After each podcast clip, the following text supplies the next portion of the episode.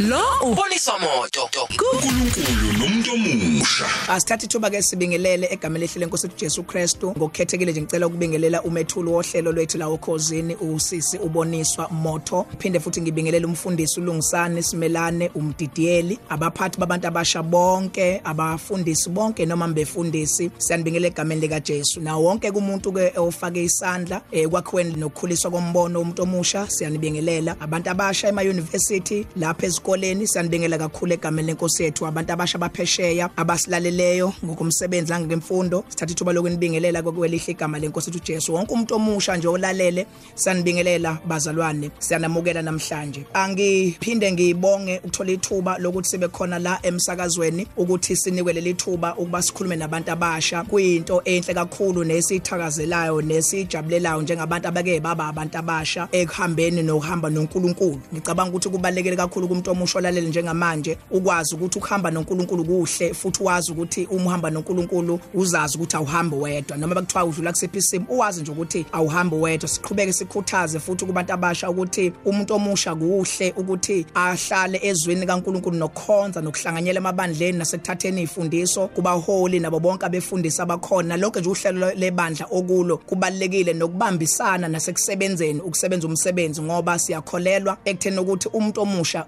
uyikusasa lezwe lethu. Nangaba yiphi indlela? Abakuthiwa ibandla noma kuthiwa isiphi isikhundla? Kodwa uyikusasa lezwe lethu. Angithathe ithuba ke ngingene ehlokweni sanamhlanje esicela ukuba sizokhuluma ngaphansi kwaso esithi akuzange kube lula kodwa ngihambe ngaze ngafika. Lento inamandla kakhulu ngicela ukuyiphinda akuzange kube lula kodwa ngihambe ngaze ngafika.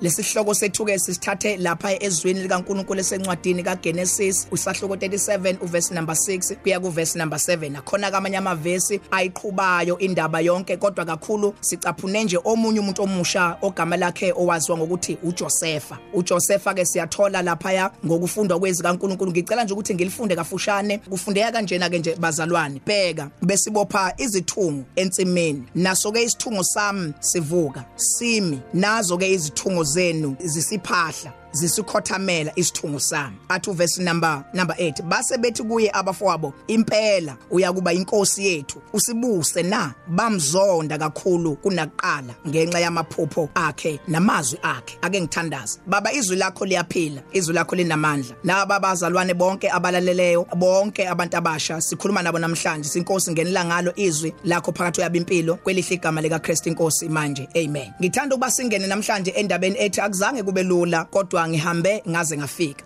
Kafushane nje abantu abasha nelalela emakhaya. Ngicela ukudlulisa lento yokuthi iphupho nalo lonke onalo linendlela linemgomo wale lihamba ngayo. Kuyenzeka ube ube nephupho kodwa iphupho alikutshela indlela ezohamba ngayo. Ake ngiqalela ngiveza ukuthi liyini iphupho? Iphupho omunye mhlawumbe uzocabanga ukuthi ngilele ngaphupha ngabona umbono. Kodwa mina ngifuna ukulibeka libe sobala ukuthi iphupho kungaba uhlelo ozuhlelele wena ngekusasa lakho. Iphupho kungaba izinto ofuna ukuzithola noma cishe ofuna ukuzizuza ngekusasa lakho. Ngifuna ukubeka kube sobala ukuthi lonke iphupho onalo umuntu omusha uNkulunkulu khona kulo. Ngifuna ukubekela ukuthi lonke iphupho nakuba uzuyaphupha akubanga uwe ophuphileyo kodwa kube uNkulunkulu ofake leyo nto engqondweni yakho. Ake sihlephule kancane. Uthi uJeremiah ezwini ngakwazi ngakugcoba ngakwenza. Leyo imfishane iveza kusobala ukuthi yonke into oyicabangayo akuwena kodwa waziwe wagcotshwa ngwakenza wayesethi uJeremiah ngakwenza ngakugcoba phakathi kwabantu. Lento ibeka kube sobala ukuthi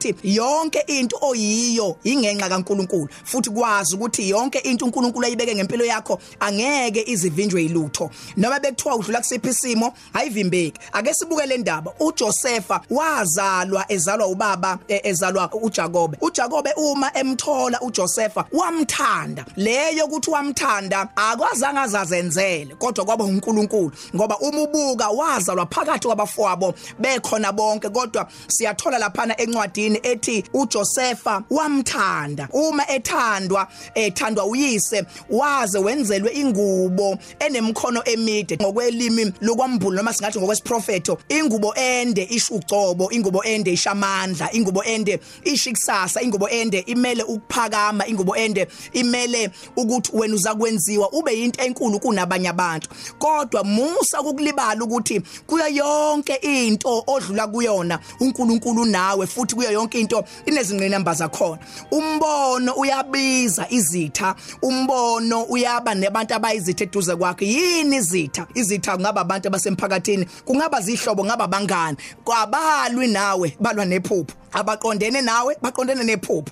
Eh ukusondela kwabo nokusondela kubo abadonswa uwe kodwa badonswa yiphupho iphupho liyabadonsa abantu libadonsa eduze kwakho. Ake ngikhulume nawe umuntu omusha kuyenzeka njengamanje uyafunda ubona impilo ihambi kahle. Kuyenzeka ufuna umsebenzi ubona ngathi ahambi kahle. Kuyenzeka usabathe uyacabanga uyakha izinto azenza kahle. Yazi ukuthi indlela leyo yephupho. No Josepha uke kwaba kwaphupha iphupho ethi ngibone ithungo zenu zingikhothamela esamsima. Uyathola ku verse number 9 uthi futhi ngaphinde ngaphupha ngabona ilanga nenkanyezi kwehla kungithobela. Ngisho nabazali baba nento abayinothisayo. Ake ngibeke besobala kuwe ukuthi uJehova wayenaye. Ngizothi kuwe namhlanje umuntu omusha ulalele ephuphweni odlula kulo uNkulunkulu uzobe nawe. Esimweni odlula kusona uNkulunkulu uzobe nawe. Ake sihlephule kafushane lana sibheke izinto uJosepha ake adlula kuzo. Iphupho liyakudlulisa ezintweni ezibhlungu kube sengathi liyakulahla kanti alikulahli lindlela yephupho. Iphupho liyakudlulisa emazwini amabi kube sengathi uyalahlwa kanti awulahlwa indlela yephupho. Ake ngikubeke ngisondele kuwe ngithi mina kuwe kungenzeka kube namaphupho obeke waba nawo. Wezwa abantu bakuhleba. Okunye kwesinye isikhathi unobufakazi bama WhatsApp eh indlela zokuxhumana. Oke kwavela kuhletshwa ngawe. Akubona abalwa nawe yiphupho likusa endaweni la kufuneka ufike khona. Ake ngikutshela ukuba iphupho lika Joseph alizange limshiye lahamba naye uJosepha kwaze kuba sekupheleni. Ake ngithi kuwe uJosepha uthe mayihambe edayiswa khumbula bamenzela uzungu abafowabo. Bahlanganyela ngabe embone kude. Hey kwathi ake ngithi namhlanje kuwe iphupho lakho liyakhazimulisa abantu bekude. Iphupho lakho liyakwenza abantu bekubona ukude. Bebona ukuthi kunento uNkulunkulu ayibeke kuwe. Ake ngikutshele kuyenzeka iphupho ungaliboni ukuthi indlela yalo kodwa izitha zakho ziyalibona ukuthi indlela yalo iphupho lena bamdayisa uJosepha siyabona bemthatha abaIshmayeli behamba behamba naye bemdayisa nase nakulona kwaFaro. Uyamthatha uFaro umfaka endlini yakhe. Uma emfaka endlini yakhe buka amandla ephupho. Mayefika amandla ephupho athi asizocindezeleka kuzovela iphupho iphupho linesibusiso. Kunento engiyithanda kakhulu laphana eGenesis 39 ngithi uverse number 2 ethi uJehova wayenaye. Ngiyabona uJosepha bemfake bemfake emgodini ngiyabona bemdayisela amaIshmayeli. Babengazi amaIshmayeli ukuthi uhamba umuntu kaNkuluNkulu. Kwathi ake ngithi kuwe uNkulunkulu uhamba nawe. Eh ake ngithi uNkulunkulu ukubusisa uNkulunkulu ugcobile mayefika endlini kaJosepha endlini kaFaro kubusiseka nendlu kaFaro awumadoda ake ngithi kuwe ngikutshele namhlanje ntambama ngithi kuwe kunabantu abazobusiseka ngokusondela kwakho. Kunabantu abazama ukucindezela kanti abazi ukuthi bayindlela yokufeza iphupho likaNkuluNkulu phambi kwakho. Lithi izwi kaNkuluNkulu mawulifunda iBhayibheli okaNkuluNkulu akanqotshwa okaNkuluNkulu akaqedwa. Bese lithi saNkuluNkulu asikho isikhali esilolele wena esakuphumelela. Ngizothi mina eh, akuzange kube lula kodwa iphupho lizohamba likufikise la kumele ufike khona. Uyafika endlini uyaphatha kugcina kulingwa umkafaro. Umelinga umkafaro uyalingwa ubona umuntu omuhle omele ukuba alale naye. He uyayizwa le uthini? Ithi iphupho liyakhazimulisa. Yeka ukuyibuka ngokuthi kunabantu abakusongela babona into kuwe lento edala ukusondeza izitha babona into kuwena mabefika lapha yana uya uzwe umakhela uzungu uthatha impahla yakhe umkafaro. Uyayithatha umkafaro uyisa enkosini uthi ungibambile ake ngikutshele. Iphupho liyenze ngathi uyabetraywa kanti likudrivela entweni uNkulunkulu akubize kuyona.